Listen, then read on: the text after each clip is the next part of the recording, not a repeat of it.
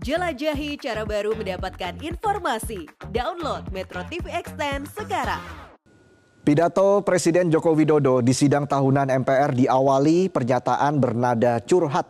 Mulai soal dirinya disebut Pak Lurah hingga menegaskan dirinya bukan ketua umum parpol.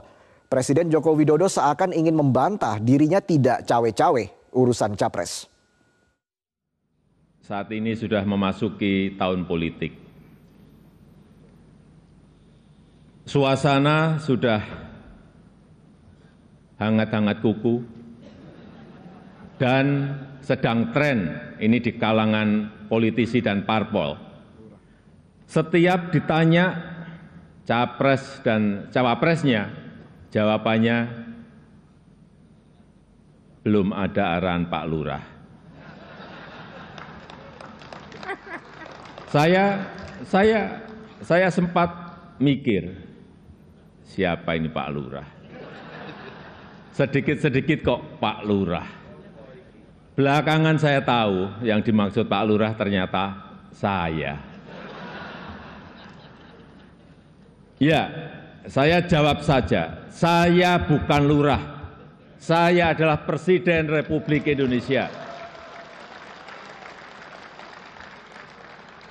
ternyata ternyata Pak Lurah itu kode.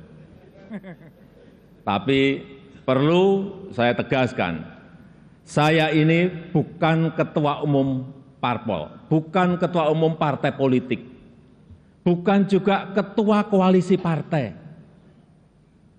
Dan sesuai ketentuan undang-undang yang menentukan capres dan cawapres itu adalah partai politik dan koalisi partai politik.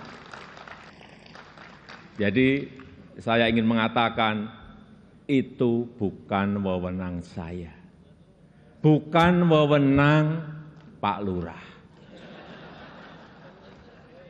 Bukan wewenang Pak Lurah sekali lagi.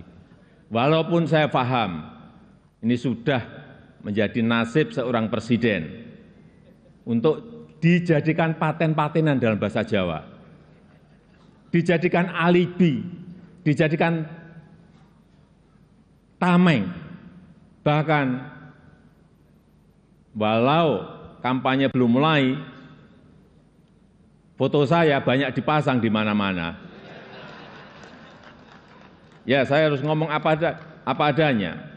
Saya ke provinsi A, eh ada ke kota B, eh ada, ke kabupaten C, ada juga.